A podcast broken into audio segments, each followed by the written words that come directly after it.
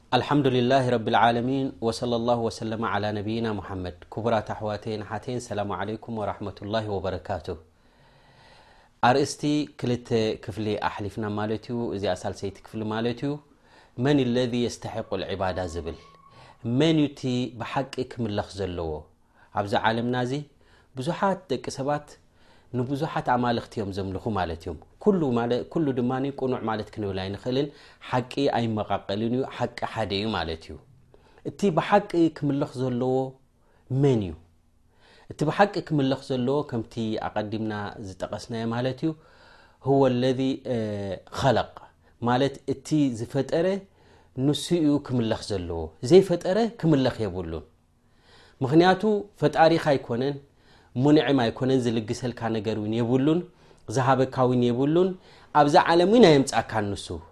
እቲ ኣብዛ ዓለም እዚ ህሉው ዝገበረካ ፈጣሪ ንዑ ኢካ ከተምልኽ ዘለካ ማለት እዩ ወልሊክ ረቡና ዘ ወጀል እዛ ኣብ ሱረት ዛርያት ዘላ ኩላ ግዜ ደጋጊምና ንቀርኣ መብዛሕትና ሓፊዝናዮ ዘለና ኣያ ማለት እዩ እዚኣ ዓባይ ትምህርቲ ዓባይ ትንታኔ ዘድልያኣ ማለት እዩ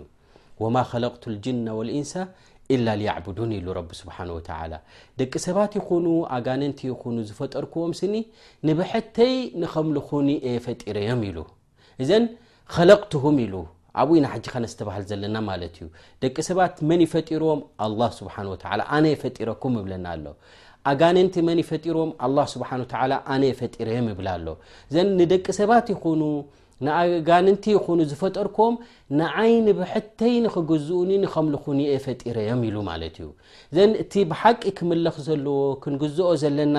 መን እዩ ተተባሂሉ ህዋ ኣልካልቅ ወህወ ኣላሁ ስብሓን ወተላ እቲ ዝፈጠረ ንዑ ጥራሕኻ ከተምልኽ ዘለካ ንዑ ጥራሕኻ ድማ ክትግዛእ ዘለካ ማለት እዩ ኣላሁ ዘ ወጀል ነዞም ዓበይቲ ፍጥረታት ኣተቐለይን ይበሃሉ ኣጋንንትን ደቂ ሰባትን ነዚኣቶም ፈጢረኩም ዘለኹ ንዒባዳ እዩ እሞ ንዓይ ንብሕተይ ኣምልኹኒ ኢሉ ኢላ ልያዕቡዱን ማለት ድማ ልዋሕዱን ማለት እዩ ኢልና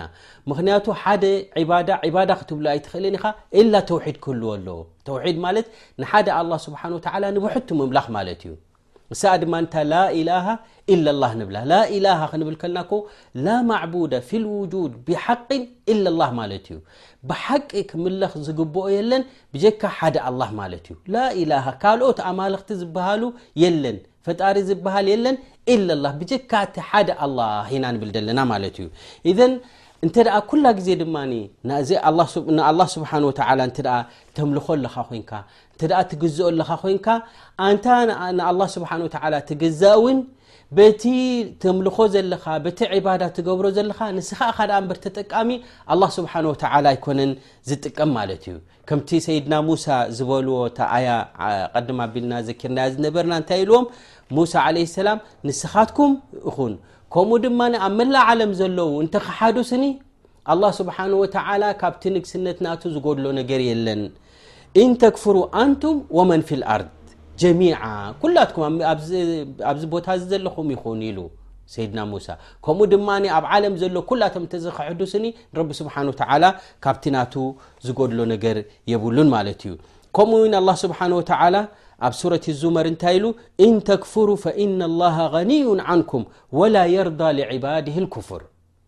ኣላ ስብሓን ወተላ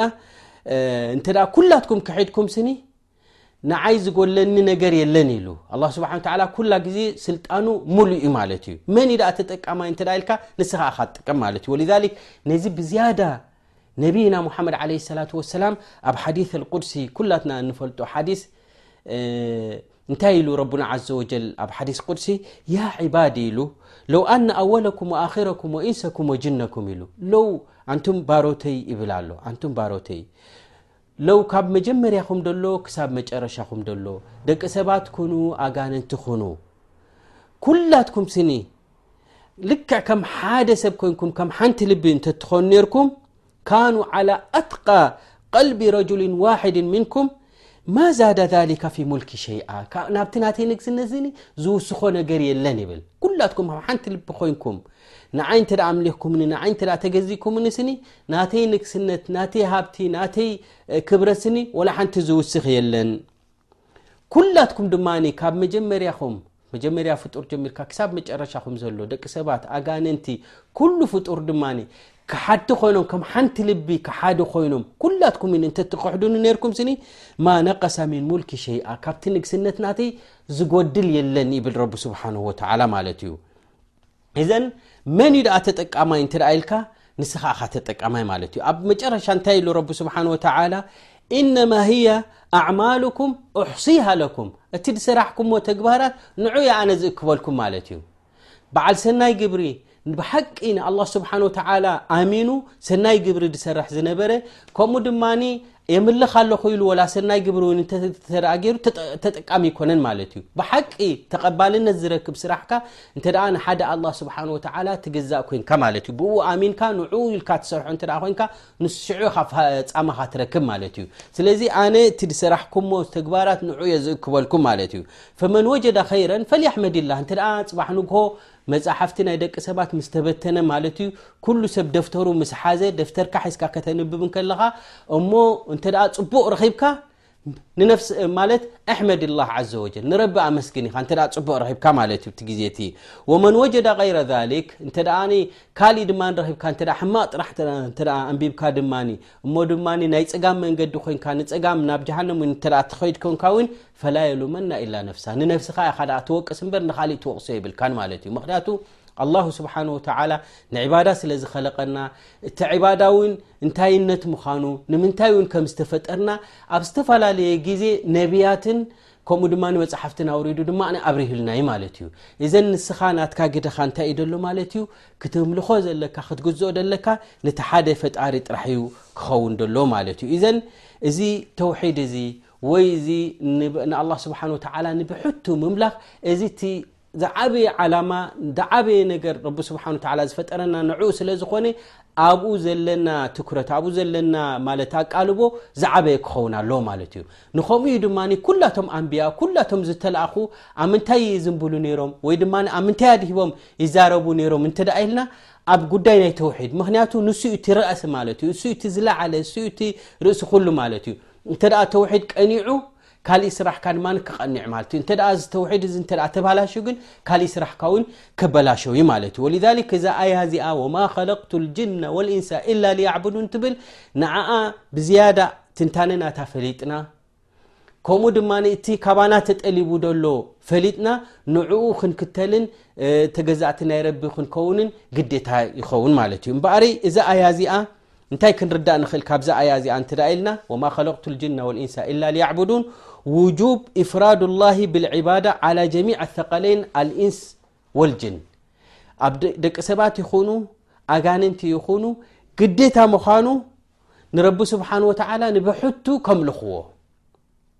ግዴታኻ እዩ ማለት እዩ እዚ ካልኦት ኣማለኽቲ ዘምልኽዎ ዘለዉ ወይ ወዲ ረቢ ኢሎም ንፍጡር እንተ ኣይገዝኡ ኣለዉ ኮይኖም ወይ ድማ ንሓደ ቀብሪ እዚ ስኒ ክህብን ክኸልእን ይኽእል ኢሎም ናብኡ እተ ዘንቢሎም ኣብኡ ን ዕባዳ እተ ዝገብሩ ንዑ ዝልምንዎ እተ ኮይኖም እዚ ካብቲ ቅኑዕ ስራጥ ሙስተቂም ረቢ ስብሓን ወተላ ዝፈጠረና ካብኡ ወፅኦም ኣለዉ ማለት እዮም እቲ ናይ ብሓቂ ግዴታ ዝኾነ ንደቂ ሰባትን ንኣጋንንትን እንታይ እዩ ተ ተባሂሉ እፍራድ ላሂ ብልዕባዳ ንረቢ ስብሓን ላ ንብሕቱ ክትግዛእኻ ተፈጢሩ ዘሎ ማለት እዩ ከምኡ ድማ ካብዛ ወማ ከለቅቱ ልጅና ወልእንሳ ኢላ ሊያዕብዱ ትብል እንታይ ፋኢዳ ንረክብ እተ ኢልና ድማ በያን ልሕክማ ምን ኸልቅ ልጅን ወልእንስ ንምንታይ ኢና ተፈጢርና ንዝብል ድማ መልሱ ረኺብና ማለት እዩ ገለ ሰብ ኣሎ ኣብዚ ዓለም እዚ ወላ ተማሂሩ ወላ ብዙሕ ተማራሚሩ ፈሊጡ እንከሎ ንምንታይ መፂ ዘሎ ኣይፈልጥን እዩ ማለት እዩ እምበኣሪ ኣብዚ ዓለም እዚ ንምንታይ መፂኻ እንተ ተባሂልካ ልዕባደት ላሂ ዘ ወጀል ንረቢ ስብሓን ወተላ ንብሕቱ ከተምልኽ ኣላህ ስብሓን ወተዓላ ንፅዒርናን ወይ ድማ ርዝቅና ኣናዲናን ወይ ድማ ሽሻይና ንክንድልብን ንክንህፍትምን ብኡ ንዑ ኢሉ ኣይኮነን ፈጢሩና ዘሎ ኣላ ስብሓን ወተላ ፈጢሩና ዘሎ ንብሕቱ ንኸነምልኾ ስለ ዝኾነ ናይ ግድን ይኾነና እዚ ዕባዳ እዚ እንታይ እዩ ክንፈልጦ እዚ ተውሒድ እዚ ክንፈልጦ ግዴታ ይኾነና ማለት እዩ ከምኡ ድማ ኣነ ልካልቅ ህወ ለذ የስተሕቁ ዕባዳ ዱና غይርሂ ምመላ የክልቁ ከምኡ ድማ እቲ ናይ ከነምልኾ ዘለና መን እዩ እንተ ተባሂሉ ኣለذ የስተሒق ዕባዳ ህ ልካልቅ ነቲ ዝፈጠረ ኢኻ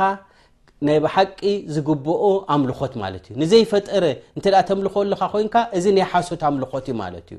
ብግቡእ ከተምልኾ ዝግብኣካ መን እዩ እተ ተባሂሉ ግቡኡ ዝኾነውን ክምለኽ ዘለዎውን መን እተ ተባሂሉ እቲ ዝፈጠረ እዩ ዘይፈጠረ እንተ ኮይኑ ክምለኽ የብሉን ማለት እዩ ምክንያቱ ክእለት የብሉን ማለት እዩ ንዓኻ ዝፈጠረካ ንዓኻ ዘምፅእካ ንዓኻ ብዝብፅኣብቂዑካ ዘሎ ህወ ላ ስብሓን ወተላ እምበኣር ንሱ እንተ ኮይኑ ንዑ ኢኻ ከተምልኽ ዘለካ ማለት እዩ ከምኡ ድማ በያን غና ላ ስብሓን ወተላ ዓን ኸልቅ ወሓጀት ልከልቅ ኢለይ ኣላ ስብሓን ወተላ ኒ እዩ ካብ ደቂ ሰባት ወይ ካብ ፍጡራቱ ዝደልዮ ነገር የብሉን በል ፍጡራት እዮም ካብ ረቢ ስብሓን ወተዓላ ዝደልዩ ማለት እዮም እዘን እዛ ኣያ እዚኣ ድማ እንታይ ተረዳእና ኣላ እተ ተባሂሉ ድማ ንሕና ደኣ ካብ ረቢ ስብሓን ወተላ እተ ኣምሊኽናዩ እተ ተገዚእናዩ ንሕና ኢና ተጠቀምቲ ደኣ እንበሪ ንሕና ስለ ዝተገዛእናዮ ስኒ ክብረት ናይ ረቢ ወሲኹ ማለት ኣይኮነን ኣላ ስብሓን ወተላ ክብረቱን ስልጣኑን ኩላ ግዜ ሙሉእ ማለት እዩ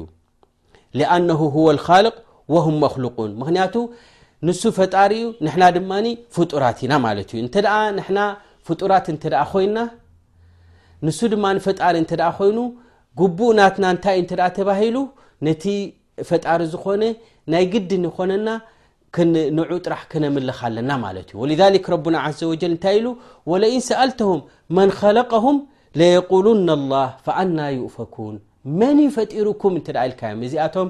ኣብ